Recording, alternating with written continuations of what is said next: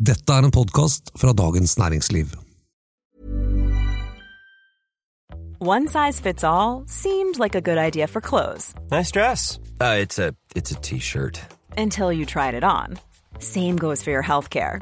That's why United Healthcare offers a variety of flexible, budget friendly coverage for medical, vision, dental, and more. So, whether you're between jobs, coming off a parent's plan, or even missed open enrollment, you can find the plan that fits you best. Find out more about United Healthcare coverage at uh1.com. That's uh1.com.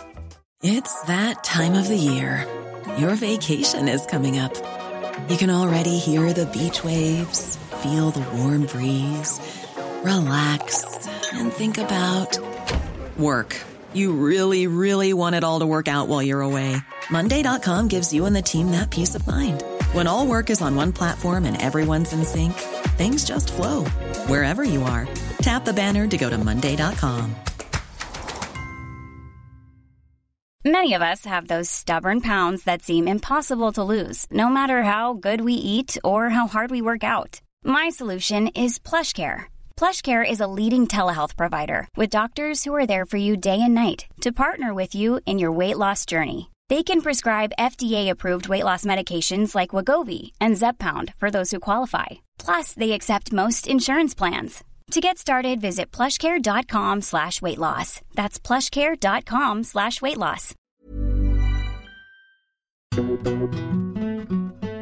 Melkøya-saken vekker stor harme og konflikter på kryss og tvers, og kan bli en skikkelig politisk nøtt. Og har sommerens utallige habilitetsdramaer skapt varig politikerforakt? Dette er den politiske situasjonen. En podkast fra Dagens Næringsliv med kommentator Eva Grinde og meg, politisk redaktør Fridtjof Jacobsen.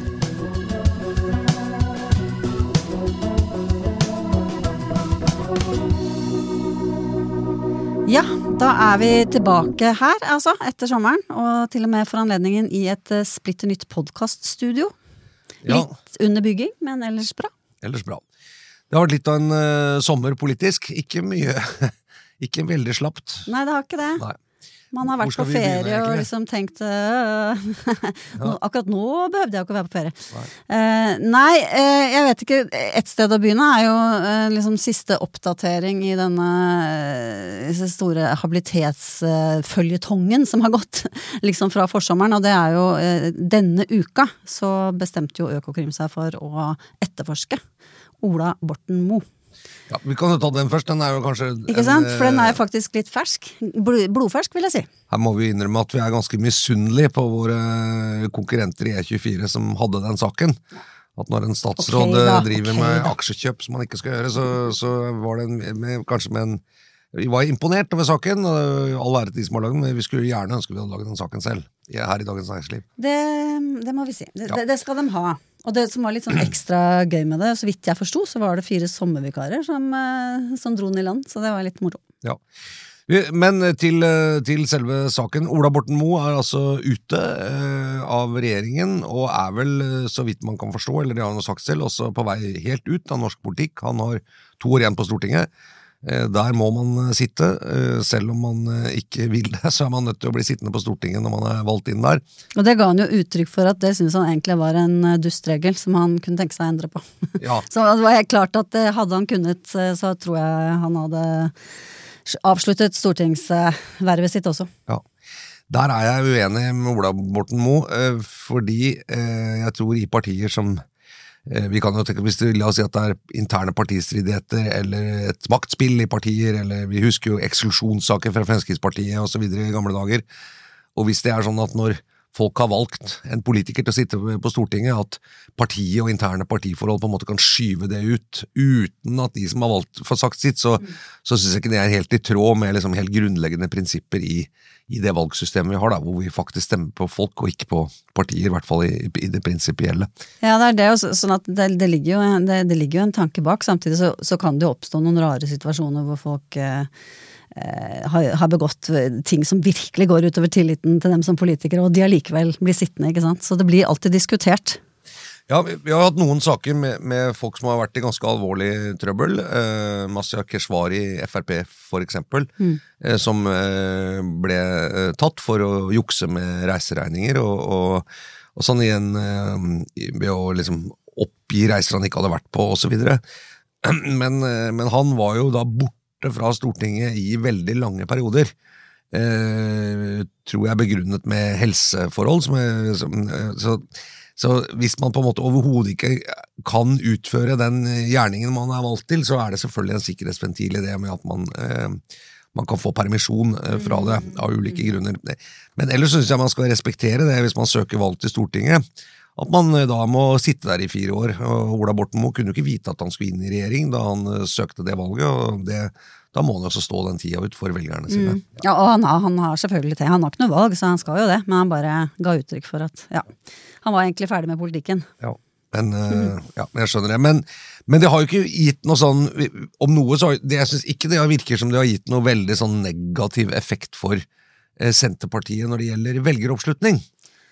Nei, man har vel ikke sett noe, noen målinger etterpå som viser noe sånn eh, skikkelig fall eller noe sånt. Men det som jeg tenker at det bidrar til, det er jo, ikke sant, for vi hadde jo på begynnelsen av sommeren både Tonje Brenna og eh, kulturminister Trettebergstuen, ikke sant, de to sakene, og da ble det da kom opp den gamle debatten om Arbeiderpartiets maktarroganse, følelse av at de ikke trenger nødvendigvis å følge alle regler, at det er mye sånn eh, ja, eh, wheeling og dealing mellom venner og bekjente i akkurat det partiet. Og når det da skjer med en fremstående senterpartist i tillegg, så, så, så faller i hvert fall noe av den derre Arbeiderparti-himmelen over det hele, da, bort.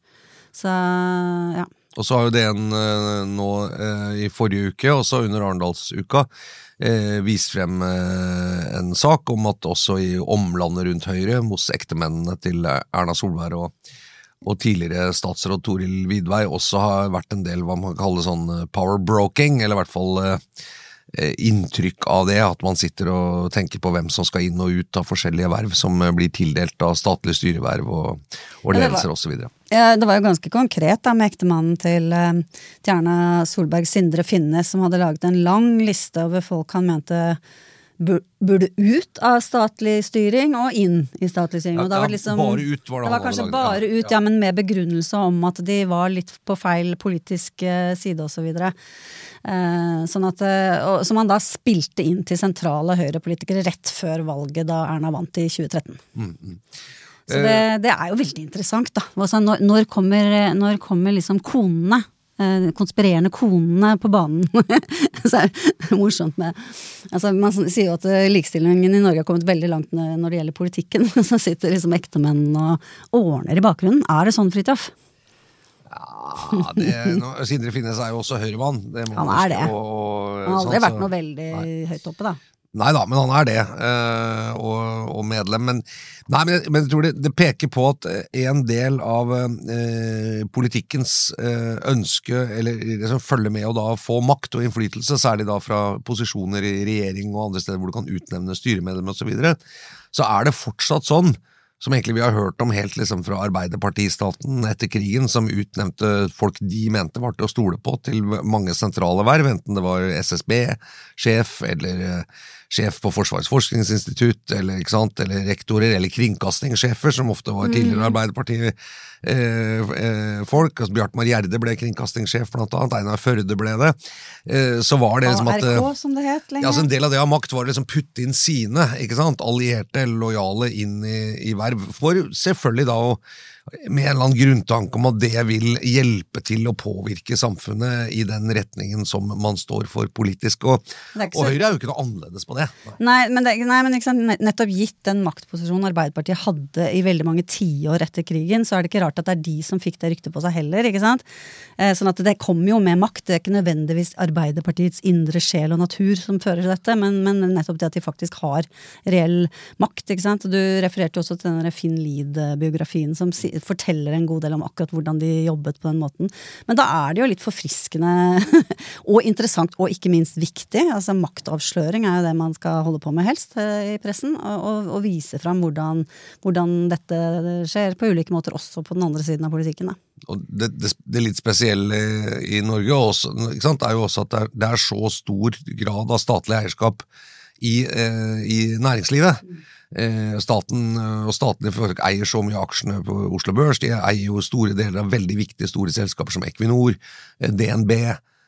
Yara, ikke sant, og så. Det er mye makt å hente, Aker sånn. Solutions så, eh, og, og selvfølgelig da Statkraft, ikke sant, Statnett, andre ting som vil Så det er, det er rett og slett også at, og dermed kan de også utnevne styremedlemmer ikke sant? og ha selvfølgelig også en innflytelse. Hvem blir konsernsjefer, hvem blir styreledere, osv. Eh, og dermed så blir, blir også dette maktspillet griper ganske langt inn i steder hvor det ellers eh, kanskje i andre land ikke er like stort innslag av statlig eiermakt i næringslivet.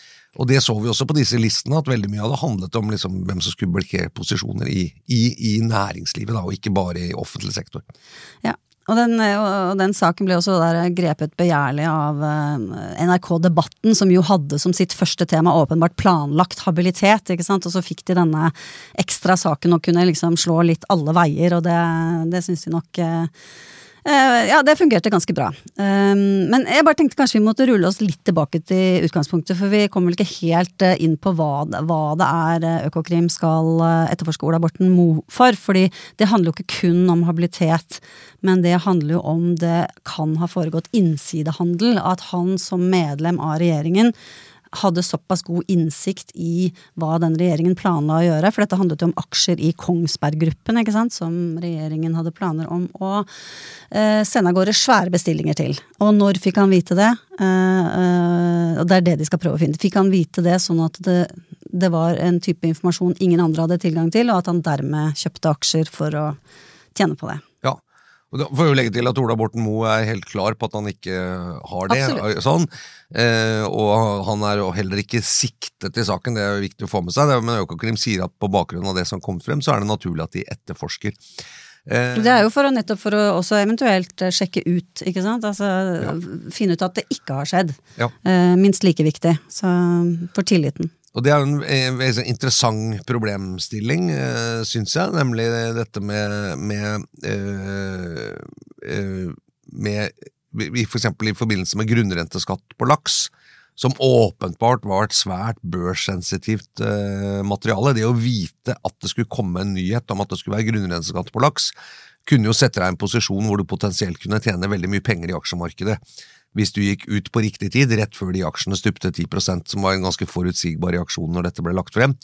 Eh, og så kunne du jo da kjøpe de tilbake senere, hvis du fortsatt ville være eier, til, til, til, og så har du tjent på en måte den, den marginen. Yes. Som, noen, som noen også gjorde. Det var jo en investor som på en måte tok det sjansen og sa jeg trodde de gikk den veien, og tjente seg ganske mye penger på det.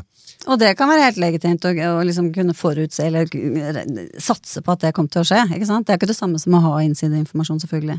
Nei, og jeg tror det er derfor ikke sant, reaksjonen husk Ola Borten Moes første eh, berøring på dette, da han, da han ble konfrontert med saken, var jeg sa at eh, dette var feil av meg, jeg har nå kvittet meg med alle de aksjene, jeg har ikke hatt noe særlig gevinst på dette, eh, og jeg vil tenker jeg kan bli sittende og fortsette som statsråd. Det var det første han sa. Eh, så gikk det ganske fort når eh, Støre kom hjem, og det var en ny samtale litt på toppen, så måtte han jo si at nei, det gikk ikke likevel. Og alt dette i løpet av en dag. Ja, det gikk ganske fort. Men hans, men hans første tanke var det, og det er jo interessant å vite liksom, ok, hvorfor er det da så eh, nødvendig eh, for Støre og regjeringens ledelse å statuere dette eksempelet.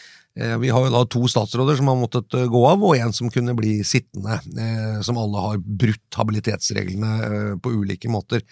Og det tror jeg kanskje akkurat det med Borten Moes aksjekjøp, det tror jeg har litt å gjøre med at at staten eh, og regjeringsmedlemmer og toppolitikere vil ha en god del tilgang eller innimellom på veldig børssensitiv informasjon, innsideinformasjon, eh, for eksempel som de hadde i lakseskatten.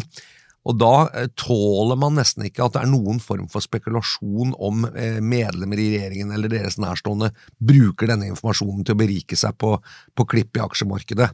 Eh, og dermed er man nødt til å være helt Ja, altså et klipp. Det er at du, at du handler på en informasjon som går fort, da. Ja. Og, og dermed så er du nødt til å være veldig streng på akkurat det som har med dette å gjøre, rett og slett for at ikke tilliten til dette apparatet skal svikte. Men det er nettopp derfor det også ble en høyst betimelig diskusjon om regelverket, som jo åpner, som sier at statsråder skal være ytterst forsiktige med å handle i aksjer, ikke sant, i enkeltaksjer. Uh, uh, men det er ikke Man skal vurdere det fra, fra, gang til gang, ikke sant. Og så har jo den debatten kommet opp hvorfor ikke bare gjøre det så enkelt at du handler ikke i enkeltaksjer så lenge du sitter som statsråd. Uh, fordi det er så innmari lett at, at, man, at, det kommer opp sånne spørsmål. Og fordi selv om han, han, han viste jo til Altså Ola Borten Moe viste til at han var forsknings, sant, høyere utdannings- og forskningsminister, og dermed tenkte han at det ikke hadde så mye å si. Eh, for han var ikke forsvarsminister, på en måte. Men det holder jo ikke, for du er jo en del av et kollegium som utveksler, utveksler sensitiv informasjon. ikke sant? Så har det også i tillegg blitt trukket opp dette at han er nær venn av eh, forsvarsminister Gram. Eh, og? Det kan også Det er vel også noe som f.eks. Økokrim skal sjekke nærmere. Ja, jeg, jeg, jeg tror, jeg, Uten at jeg kjenner liksom helt, men jeg tror vurderingen må ha vært det, for man ga jo uttrykk for, og Jonas Gahr Støre ga uttrykk for det selv, at det å miste Ola Borten Moe som politiker i denne regjeringen var ikke noe han ønsket. Overhodet ikke. Jeg tror heller ikke Senterpartiet. Ola Borten Moe var en vellykka Senterpartipolitiker som hadde klart å markere seg godt på det han skulle, og som og som jo rett etter at han nå gikk av, så presenterte de jo da eh, disse nye byggeplanene for et nytt campus på NTNU i, i Trondheim. Mm. Eh, hvor kostnadene var redusert på en måte fra 11 milliarder til 6 milliarder. Og dette var jo fordi Borten Moe på en måte hadde satt ned foten og sagt vi må bygge billigere den gangen, som man husker for noen år siden. Så han var en jeg tror han var høyt elsket i regjeringen. Han var liksom slakte, eh, slakter som tok, tok, slagene, ikke sant? Ja, i hvert fall en markant svingte, politiker. Svingte sverdet, da. Og, og, sånn. og, en nestleder, akkurat som Tonje Brenna også har. Han har vært med en nestleder mye lenger. Så, så, det, så du, du, skjønner at det, dette var eh, jeg tror ikke dette var liksom en unnskyldning for å bli kvitt Ola Borten Moe, ingenting som tyder på det, men jeg tror Støre opplevde, og, og, kanskje også etter rådføring fra andre, at akkurat dette her med mistanker om at regjeringsmedlemmer eller politiske partier liksom ikke er helt å stole på når det gjelder sensitiv informasjon og kan havne i innsideposisjoner, eh, det, eh, det, rett, det, går rett og slett ikke. Der må man ha veldig høy sikkerhetsmargin, og dermed så måtte eksempelet statueres med Borten Moe. Ja, og han, han, er jo, hans uh, gjøren og laden har jo vært uh, diskutert på andre måter også, i og med at han eier i sånn petroleumsrelaterte selskaper, og hva slags interesser har han i det, og hvordan påvirker det han i regjering osv. Så videre, sånn at han, mm. ja og det, er jo derfor, derfor har det blitt brukt som argument at han ikke kunne bli eh, olje- og energiminister, f.eks. Nei, det er sant, og så er det jo også verdt å, å, merke seg at han gjorde ikke noe forsøk på å skjule disse aksjekjøpene. Nei. Eh, han meldte det inn til Stortingets register med økonomiske interesser osv. Så, videre, så, mm. så, så, så, egentlig er det jo litt sånn uforklarlig. tenker sånn, Hvordan går det an å gjøre en så på en måte amatørmessig feil, mm. eh, og ikke etter så langt liv i politikken, og til og med da også ha private eierinteresser, at du ikke forstår at ok, kjøp av aksjer i enkeltaksjer En ting er å investere i et fond, et vanlig indeksfond, ja. men men det, da må liksom alarmen gå. Men, Men det gjorde ikke det. Ja, det, det, er liksom interessant, for her kommer vi liksom litt inn på dette med kontroll- og konstitusjonskomiteen, som nå skal liksom se på alle disse sakene, men også en litt overordna sak med hvordan, hvordan regjeringen eh, håndhever regelverket rundt eh, habilitet. og liksom, hvis det, eh, hvis det er sånn at du kan melde inn liksom hårreisende kjøp hvor det burde blinke røde lamper, og ingen ser det, så er det kanskje noe også med at det, det, er, ikke, det er ikke noe system som noen følger opp i det hele tatt. så lenge du har skrevet et eller annet i en protokoll, så, er alt, så skal alt være greit. Men det er ingen som ser hva du skriver der, eller vurderer om du har vurdert det riktig. Og det har også vært oppe i denne debatten nå, da, om ikke man bør ha mye bedre systemer på det, hvis ikke man skal forby det helt, da. Nei, det er sant. Og det er vel her på en måte en av pressens oppgaver kommer inn, nemlig å vise hva som skjer, og, og også liksom finne ut når man syns at noe ikke virker helt uh, troverdig, da. Mm. Eller kanskje kritikkverdig, eller i hvert fall noe man burde svare på, som i Borten Moe-saken. Og så, så er det, sant, det er fortsatt interessant altså, at han ved første berøring sa ja, dette har jeg gjort, det skulle jeg ikke gjort, men jeg har tenkt å bli sittende, og så mm. går det under et døgn, og så sier han jeg må gå av. Eh, det er jo, da skjønner man jo på en måte hvem som har tatt den avgjørelsen om at han måtte gå, ja, tror jeg. Ja, det er. Eh, men eh, ja, vi skal, vi skal, være litt i Senterpartiet- og Arbeiderpartiland, men på en litt annen sak, men som også har fått det til å koke en del. Det skal vi. Jewelry isn't a gift you give just once. It's a way to remind your loved one of a beautiful moment every time they see it. Blue Nile can help you find the gift that says how you feel and says it beautifully with expert guidance and a wide assortment of jewelry of the highest quality at the best price. Go to BlueNile.com and experience the convenience of shopping Blue Nile, the original online jeweler since 1999. That's BlueNile.com to find the perfect jewelry gift for any occasion. BlueNile.com. Hey, I'm Ryan Reynolds. At Mint Mobile, we like to do the opposite of what Big Wireless does. They charge you a lot, we charge you a little. So naturally, when they announced they'd be raising their prices due to inflation, we decided to deflate our prices due to not hating you. That's right. We're cutting the price of Mint Unlimited from $30 a month to just $15 a month. Give it a try at mintmobile.com slash switch. $45 upfront for three months plus taxes and fees. Promote for new customers for limited time. Unlimited more than 40 gigabytes per month. Slows. Full terms at mintmobile.com. Hi, I'm Daniel, founder of Pretty Litter. Did you know cats tend to hide symptoms of sickness and pain? I learned this the hard way after losing my cat, Gingy. So I created Pretty Litter, a health monitoring litter that helps detect early signs of illness by changing colors, saving you money and potentially your cat's life. Pretty Litter is veterinarian developed, and it's the easiest way to keep tabs on your fur baby's health right at home. Go to prettylitter.com and use code ACAST for 20% off your first order and a free cat toy. Terms and conditions apply. See site for details. For på Melkøya, eh, i Hammerfest, har du vært der, Eva Grinde? Ja, det har jeg faktisk. Jeg har laget feature-reportasje fra Melkøya da de drev og gravde for å finne ut om de kunne lage LNG-anlegg. Ja, det klarte de. Det gjorde de. Men jeg, jeg så arkeologer sitte med sånn teskje og sånn. Det, det er jo et fascinerende, fascinerende anlegg. Eh, hvis jeg nå husker helt riktig, så er det altså sånn at du, du har et eh, gassfelt ute i sjøen, eh, som er et eh, sånn undersjøisk gassfelt, hvor det, uten, hvor de henter opp gass fra undersjøiske installasjoner som kommer inn til Melkøya, som er en svær terminal, og blir kjølt ned, så det blir flytende, og blir såkalt LNG, Liquefied Natural Gas, Bra. som altså er, betyr at når du har naturgass som kan brenne, så kjøler du det ned så det kan lagres på eh, for tanker eller fat, og sendes rundt i verden på spesielle skip, eh, og selges og brennes der hvor man trenger det, uten at man kan få naturgass uten at man er knyttet til en rørledning, med andre ord. Det er nettopp det.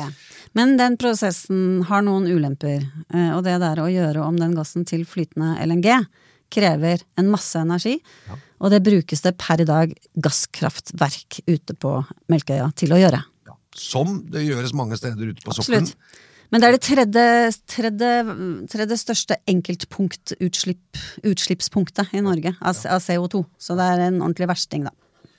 Og eh, regjeringen som eh, har, eller Stortinget også for den saks skyld, at man har et mål om å kutte nasjonale klimautslipp, altså de som slippes ut ved norsk virksomhet, har da eh, vedtatt, eh, etter gitt eller gitt adgang for Equinor, som driver dette anlegget, etter søknad, og sagt at dere kan nå få bytte ut gasskraftverket deres, som er strømmen som trengs for å drive dette anlegget, med eh, man kan kalle det vanlig strøm.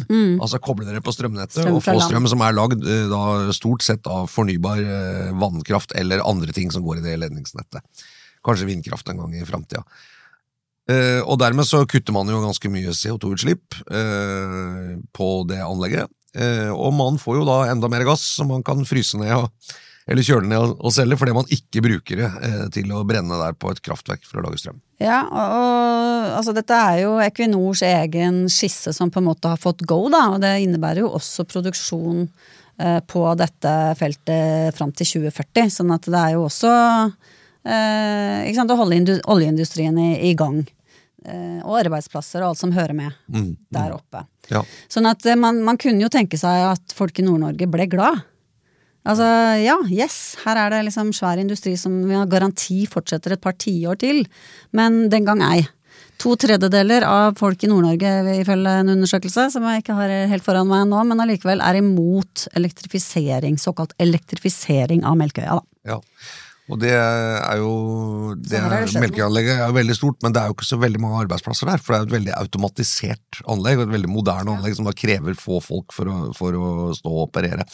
Eh, så det er jo ikke sånn at eh, man velger her mellom fortsatt drift med flere hundre arbeidsplasser, liksom, eller noe annet. Det, Det er jo sånn. Men ja, og det er, det er flere ting. Det ene er jo at øh, folk i, i bebyggerne i Finnmark opplever at de vil ta all strømmen som er tilgjengelig der oppe. Dermed er det ikke mulighet for å bygge noen ny industri, og noen frykter kanskje også at strømmen vil bli veldig dyr. At de vil få Sør-Norge-priser på strømmen der oppe når det blir kaldt om vinteren. Ja, Det er hovedargumentet, så vidt jeg har oppfattet det, i motstanden mot dette. Nemlig at det, at det skal på en måte bruke den uh, tappe hele landsdelen for den strømmen som fins, eh, og dermed altså, gjøre det til en mye mer eh, knapp vare, og dermed mye høyere priser osv. Men og det er jo derfor også at dette forslaget fra regjeringen, som de sto stolte og glade og fortalte om når det var det, begynnelsen av august, um, innebærer også massiv utbygging av nettet i Finnmark.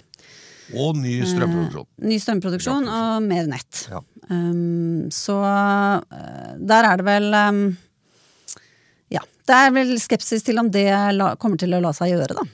Altså, de, de, har ikke greid å overbevise alle nordlendingene, i hvert fall. Må vi, såpass må vi kunne si. Nei, det er sant.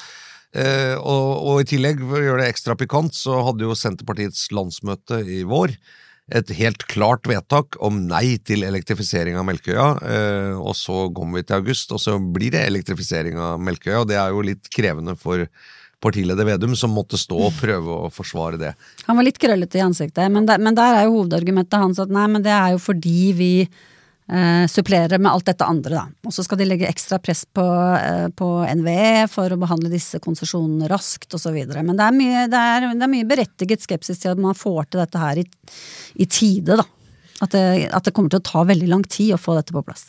Og for de som eh, på en måte byttet ut, eh, som jeg minner om at jeg gjorde et, noen år, så var det første jeg så på hele tiden, var uh, disse koronastatistikken i VGs livestudio. Hvor er det smittet, og hvor kommer det, osv. Og, så mm -hmm. og så for en, et år eller drøyt år siden så ble det byttet ut med at man så på dette kartet over prisene på strøm i forskjellige Norges forskjellige fem strømregioner. Ja, så du har vært der, ja? Ja, jeg er veldig mhm. nysgjerrig på det. Og da kunne man jo se gjennom hele på en måte strømpriskrisevinteren og våren Eh, at eh, i Nord-Norge hadde de jo eh, veldig mye billigere strøm enn i Sør-Norge og på Vestlandet og, Sørlandet. Altså nord for Dovre var strømmen veldig billig. Det er det de argumenterer med, at det er deres fortrinn ikke sant? for å kunne drive, få, kunne drive business der oppe. Så, så, er det veldig viktig at de har billigere strøm. Og, og, grunnen til det var jo at landsdelen hadde et såkalt et kraftoverskudd. Altså at de, de, de, produserer mer kraft enn det de bruker. Blant annet i Nordland fylke er det veldig stor kraftproduksjon som, som ikke man får brukt. Eh, og det gjorde jo da at man kunne selge den relativt billig som var der, og at en del av den også kunne eksporteres over til Sverige gjennom kabler som går der oppe i nord. Og så var det jo noen som sa at jo, men når man har mer strøm enn man trenger i nord, og der er den billig, og vi har mindre strøm enn vi trenger i sør, og der er den veldig dyr, hva med å bygge en overføring mellom nord og sør, sånn at hele landet kan bli en strømregion? Da satt Nord-Norge seg forståelig nok på bakbeina og sa vi deler ikke den strømmen, vi vil ha den selv, og vi har strøm til gode. Da vil vi bruke det til å bygge industri. Mm. Eh, og det er det vi skal bruke den til. Vi skal ikke bygge noe kabel over til sør som gjør at eh, kan, vi kan sende den dit.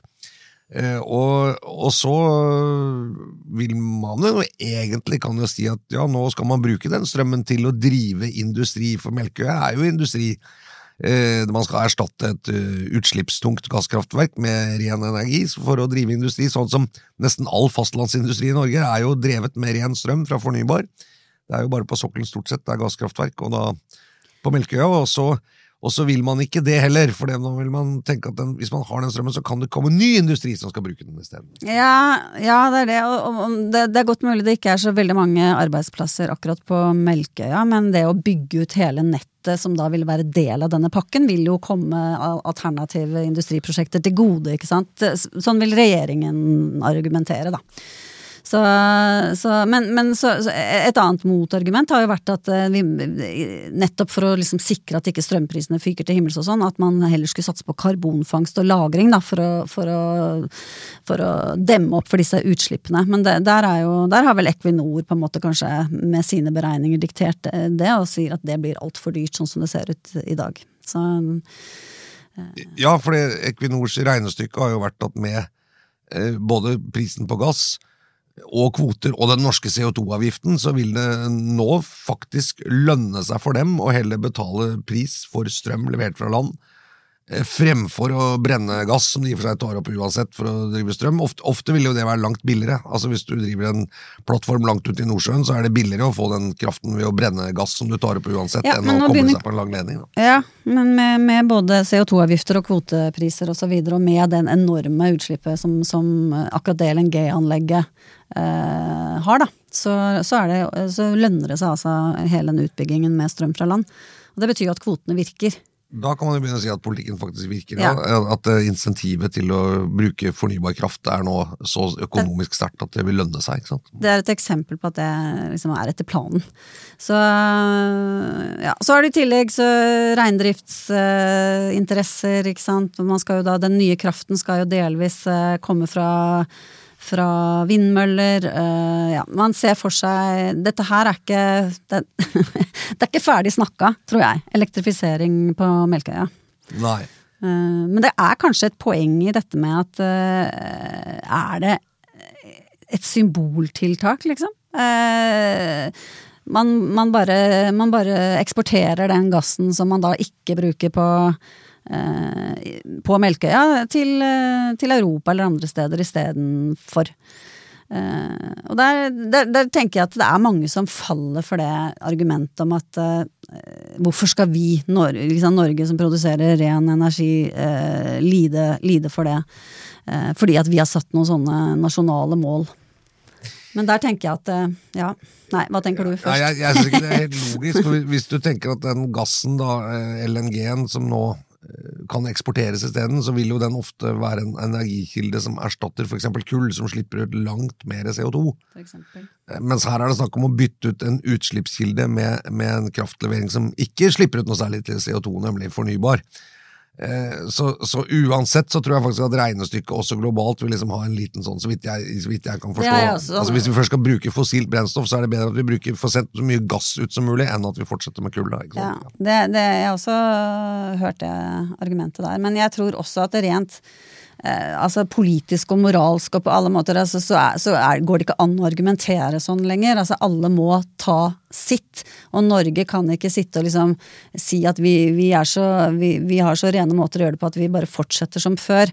Um, sant? Da, du, det, det er smittsomt, på en måte, den type argumentasjon. Fordi at eh, alle må ta eh, alle må ta sin del av, de, av disse kuttene. Ja, og det er jo også sånn at de som har valgt uh, norske velgere, har i og for seg gitt sin eh, ganske stort, et stort, sant, stort flertall av velgerne har gitt sin tilslutning til partier som går inn for å uh, redusere nasjonale CO2-utslipp. Så det er jo også en slags eh, i velgerne, og man kan godt være uenig og mene at da folk tar helt feil, at vi burde ikke gjøre det likevel, og egentlig så spiller ingen rolle hva Norge gjør, vi burde egentlig bare, ikke sant, eh, andre land burde ta støyten, og, vi kan kjøpe kvoter videre, men, men velgerne har nå sagt, og partiene har jo lovet, og Stortinget har vedtatt at vi skal kutte nasjonale utslipp, og da må man jo også gjøre det i en viss monn, hvis det skal være noe mening i det, synes jeg. Ja, og det er, er overhodet ikke mulig å se for seg å nå noe i nærheten av 55% kutt på innenlandske utslipp innen 2030 dersom man ikke elektrifiserer Melkøya.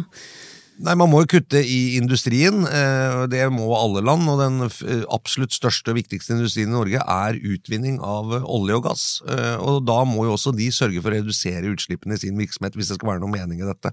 Alternativet er jo at vi må at hvis, at de, La oss si at hvis vi skulle kutte dette CO2-utslippet på andre måter, vel, så skulle det blitt, skulle det blitt ufattelig mye dyrere å fly. da, Veldig mye dyrere å kjøre eh, bil med Det det bli, drivstoff. ja. Skulle det vært vanskelig for landbruket? altså Skulle man hatt helt andre og mye mer dramatiske, inngripende kutt i folks hverdag? Det, men, men det er klart, det er ikke noe Etter hvert så kommer det kanskje dit òg, men eh, Men denne endringen til et lavutslippssamfunn, den blir jo ikke noe Det, det, det, er jo ikke lett, det, er, og det blir jo ikke uten smerte, og det blir jo ikke uten offer, og det må gjøres prioriteringer. og Det ser man jo i Melkøya-saken, at du kan liksom ikke få i pose og sekk hele tiden. Men der har, jo, der har jo det, Dagens Næringsliv vært ganske klare på støtte til eh, en kanskje sjelden og kjærkommen støtte til regjeringen og Støre for å være så ja, stødig og, og klar på dette spørsmålet her, sånn, selv om ikke det er populært. Men på den annen side, altså, det kan jo vise seg å bli skikkelig vanskelig politisk å få dette her gjennomført. Hvor mye bråk kan det bli, liksom? Ja, jeg, jeg tror det allerede er gjennomført. Altså, jeg tror Equinor har fått en konsesjon som sikrer at de kan få strøm og drive elektrisk fra 2030. Resten, hva som skal skje med kraft- og strømsituasjonen i Finnmark, er, det er litt mer uvisst. Men at det blir elektrifisering på Melkøya, det, det tror jeg ikke er noe det, tror- Jeg tror ikke det er noen sjanse for at det ikke skjer, sånn som den konsesjonen Men hvor mye bråk blir det av det? Liksom, det, det, det, er- det. Eh, og ja, 2030 er usikkert, da. De har jo, har jo en sånn uh, sikkerhetsluke der til å utsette til 2033, dersom ikke ting er på plass. Ja, men det, ja, det er litt, uklart for meg hvor realistisk den er, men det, det er nå så. Vi, vi må begynne å runde av. eh, Vi er midt inne i også de siste eh, På mandag er det jo da to uker igjen av valgkampen, eh, og kommunevalget 11. september. Skal vi bare få peke litt framover hva, hva vi følger mest med på? Hvilke tall vi ser på? Hva er det vi syns er mest spennende? Er det noe du er spent på, Eva? Altså Det er jo veldig spennende i storbyene, det har jo vært eh, snakket om. Eh, ikke minst hovedstaden står jo helt på vippen nå. Jeg hørte senest eh, argumentasjon for at det, det står og faller på om man får innvandrerbefolkningen til å komme til stemmeurnene. Eh, og i så fall så vil det være til Arbeiderpartiets gunst. De har jo tradisjon for å være veldig Ap-tro i innvandrerbefolkningen i Norge. Altså, nå snakker jeg med stor sekk, men det er faktisk eh, generelt for, eh, for folk fra utenfor Europa.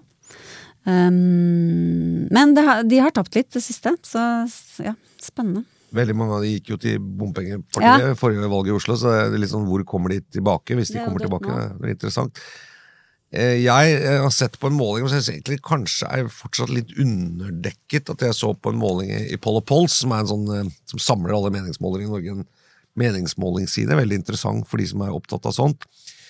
Og der har man nå laget et snitt på eh, målinger, og laget det som et landstall da, for alle kommunemålinger.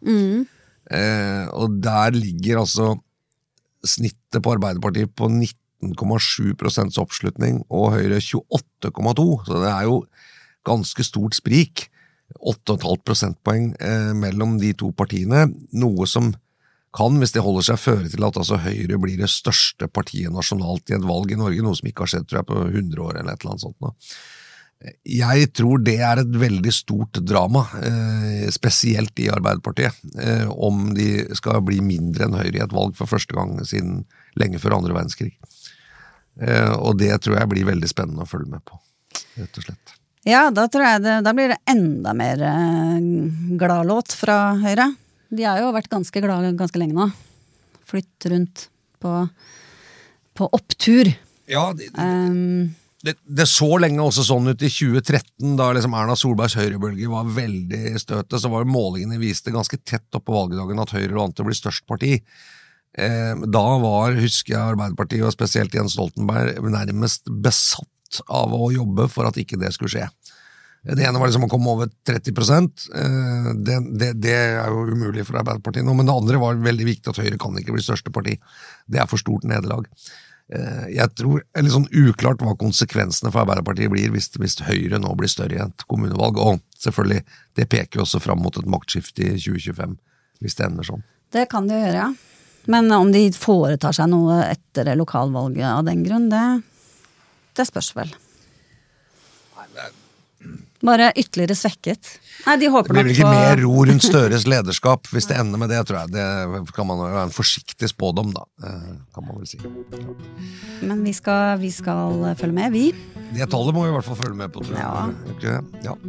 Det var den politiske situasjonen denne uka. Det er altså en podkast fra Dagens Næringsliv med Eva Grinde og Fridtjof Jacobsen, eh, som sendes eh, hver uke. Eh, produsent er Gunnar Bløndal, og vi høres igjen neste uke. Det gjør vi. Ha det bra. Ha det.